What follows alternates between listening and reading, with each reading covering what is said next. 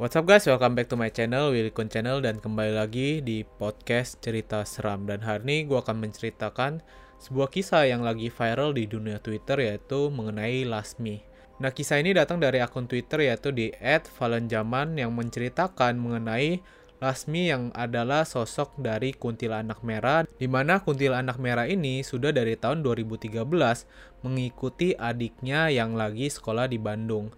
Nah dia itu ngikutin katanya untuk melindungi adiknya ini. Nah di twitternya ini katanya Ed Valen Zaman ini sempat ngobrol bareng kuntilanak merah ini. Jadi kuntilanak merah ini menceritakan kisah hidupnya semasa dia hidup menjadi seorang manusia saat pada zaman penjajahan Belanda. Nah yang menyedihkannya akhirnya kuntilanak merah ini juga menceritakan bagaimana dia ini meninggal ditabrak sebuah mobil. Jadi bagaimana ceritanya? So langsung aja akan gue ceritain buat kalian nih. Oh ya sebelum mulai jangan lupa untuk selalu support channel gue dengan cara klik tombol subscribe-nya di pojok kanan bawah ini, kemudian klik tombol lonceng ya. Kemudian kalau kalian dengar podcast cerita seram di Spotify, gampang banget supportnya tinggal klik tombol followingnya aja guys. Karena dengan support kalian gue bisa terus berkarya dan menemani kalian. So langsung aja kita dengar cerita Lasmi. Namanya Lasmi, kuntilanak merah yang jagain adik perempuan gua sejak tahun 2013 saat dia kuliah di salah satu sekolah desain di Bandung. Lasmi masih tinggal di pohon mangga daerah Westu Kencana. Nah ini dia gambaran dari Lasmi yang udah gua gambarin buat kalian. Di sebelah kiri adalah gambaran di mana ketika Lasmi masih hidup sebagai seorang manusia. Sedangkan sebelah kanan adalah gambaran Lasmi yang sekarang telah menjadi kuntilanak merah.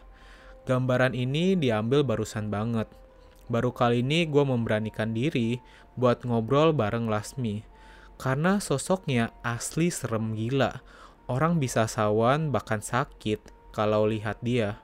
Mediumnya adik gue sendiri yang minta dia buat masuk dan cerita. Lasmi dulunya seorang sinden musik Sunda, suaminya Asep yang jadi pengiring. Mereka menikah muda di umur 12 tahun pada saat zaman penjajahan Belanda, sekitar 100 tahun yang lalu. Mereka berdua bertemu di kebun teh, saling suka, lalu Asep meminang Lasmi, nikah dan kerja bersama.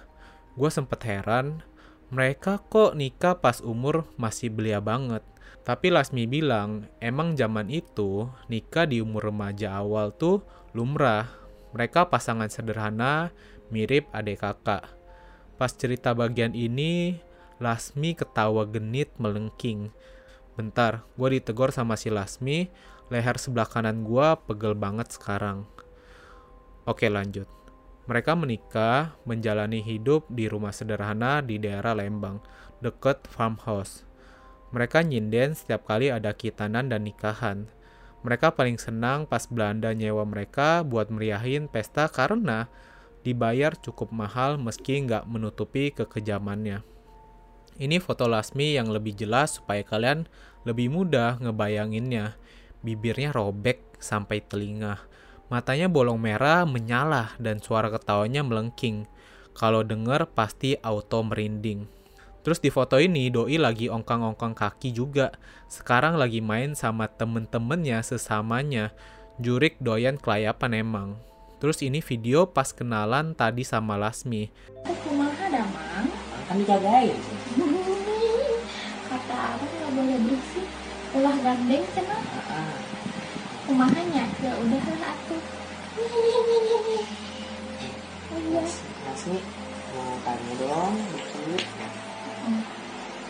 Mas nih ceritain dong tentang kehidupan mungkin kumaha kayak bingung hidupnya sejarahnya Kehidupan naon Lewat adik gua, suara gua udah kayak Mama Dede versi nahan gemeteran. Sebelum direkam, minta banget ketawanya jangan berisik, takut tetangga denger. Oke lanjut balik ke ceritanya. Singkat cerita, Lasmi sedih karena lima tahun pernikahan gak kunjung dikaruniai anak. Dan ini jadi bahan gibah julid para tetangga. Si Lasmi teh kunaon nyopi, ka ayone teo, boga barudak, mandul lain maneha. Si Lasmi kenapa sampai sekarang gak punya anak? Mandul kali ya kata tetangganya. Asep sering menghibur Lasmi yang sering nangis saat ingin tidur. Asep bilang, Udah tiu, naon-naon atuh neng. Muncul Gusti Allah ayuna teh diberi momongan. Kun fayakun ge jadi. Tapi muncul Gusti Allah lain ayuna kita teh tetap berdoa Allah teh mau sare. Yang artinya nggak apa-apa neng. Kalau kata Gusti Allah dikasih anak sekarang kun fayakun pasti jadi. Tapi kalau kata Allah belum sekarang kita tetap berdoa aja. Allah nggak tidur. Lasmi cuma nganggukin dan terus berdoa dalam sujudnya. Dia sering melamun saat melihat ibu-ibu hamil. Sedih ceritanya Lasmi kadang-kadang dengan sopan meminta izin ke ibu-ibu hamil yang dia temui di jalan untuk mengelus perutnya, minta dititipin doa supaya Lasmi lekas isi. Lasmi kepingin banget punya anak karena rumahnya terasa sepi, ditambah gunjingan tetangga yang tiap hari makin jadi. Temen Asep bahkan sampai bilang, Sep, diusia kawin, diusia wilo jangan si Lasmi bisi wes yo neopa kata mio teo boga momongan. Artinya, Sep mendingan kawin lagi. Jangan sama si Lasmi. Sampai mati juga gak bakal punya anak. Demi ketika gue ngetik tweetan ini, tangan gue panas banget. Lasmi di belakang gue pas gue ngetik tweet ini barusan. Pantes tangan gue panas. Kata adek gue, dia nangis karena ini topik yang sensitif buat dia. Tapi dia juga seneng banyak yang nyimak cerita hidupnya. Baru kali ini katanya, karena tiap mau curhat, orang keburu kabur. Rupanya Jurik juga bisa baperan ya. Oke, kita lanjut lagi ke ceritanya. Tapi Asep tetap teguh cintanya sama si Lasmi. Mereka terus bekerja, berdoa, dan berusaha menjalani hidup yang makin berat. Pernah suatu kali saat selesai pentas di acara orang Belanda, Lasmi digoda salah satu londo yang tahu permasalahan mereka. Lasmi diajak siapa tahu aja jadi. Tapi Lasmi tersenyum dan menolak. Dia balas lewat bahasa Belanda, Terima kasih Tuan, tapi saya tidak akan pernah mengkhianati suami saya. Londo itu tertawa lalu menepuk pantat Lasmi sebelum berlalu. Lasmi tetap tersenyum dan menahan tangis. Gue yang dengerin aja kesel. Insiden itu makin bikin Lasmi terpukul dan merasa dirinya gak bisa jadi seorang ibu. Sepulangnya di rumah, tangis Lasmi meledak. Dia terus bertanya dalam hati, apakah benar aku tidak bisa punya anak? Asep memeluknya, menguatkannya, meminta Lasmi tenang, semua ada waktunya, kata Asep. Lasmi bilang, Ah, kalau kamu memang ingin punya anak, kamu boleh menikah lagi. Aku nggak apa-apa, daripada keadaan terus begini, aku nggak sanggup. Asep kaget mendengar kalimat itu terucap, dia memeluk Lasmi dengan erat, membiarkan Lasmi malam itu menumpahkan kesedihannya. Bentar guys, ada gangguan dikit, Pocong deket rumah adek gua yang namanya Aryo penasaran dengan cerita ini. Diusir dulu ya, bentar. Suka rese nih soalnya. Gue juga jadi takut. Gue lebih takut sama pocong ini ketimbang sama kuntilanak si Lasmi. Ini ilustrasi pas lagi nongol siang-siang begini gangguin gue pas cerita. Aduh, rese nih pocong. Kudu si Lasmi yang ngusir baru dia cabut. Pocong gabut dasar. Si Lasmi jadi nyanyi lagi kan tuh. Oke oke, kita balik cerita lagi ke cerita si Lasmi. Setelah itu, Lasmi makin pendiam. Asep juga jadi ikut sedih. Gak tahu harus melakukan apa supaya Lasmi bisa jadi bahagia. Ditambah, Asep mulai sakit-sakitan karena sering kerja malam pulang pagi.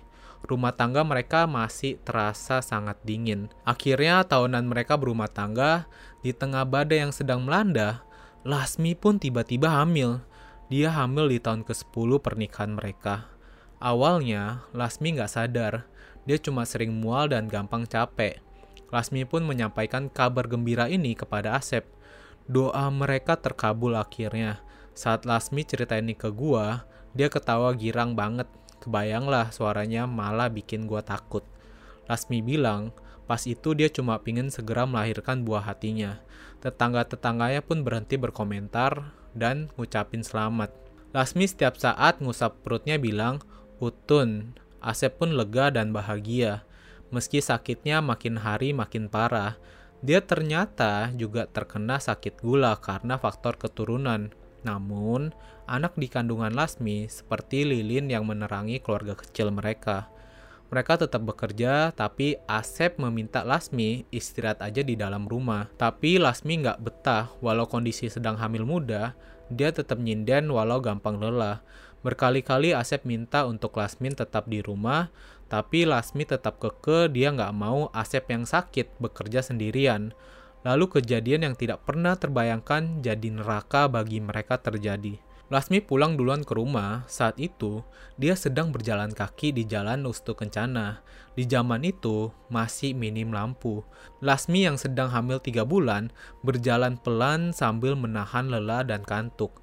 Kemudian tiba-tiba, sebuah mobil pengangkut tanpa lampu memadai tiba-tiba menerjangnya. Oke okay guys, bagian ini gue hold dulu ya. Mau izin lagi ke Lasmi. Pas cerita ini, Lasmi nangis sampai adik gua nyaris pingsan. Part ini sangat menyakitkan buat Lasmi. Pundak gua jadi pegel juga ketika gua menceritakan hal ini. But renggangin dulu bulu kuduk, ini video Lasmi kedetek filter pas adik gua lagi mainin filter.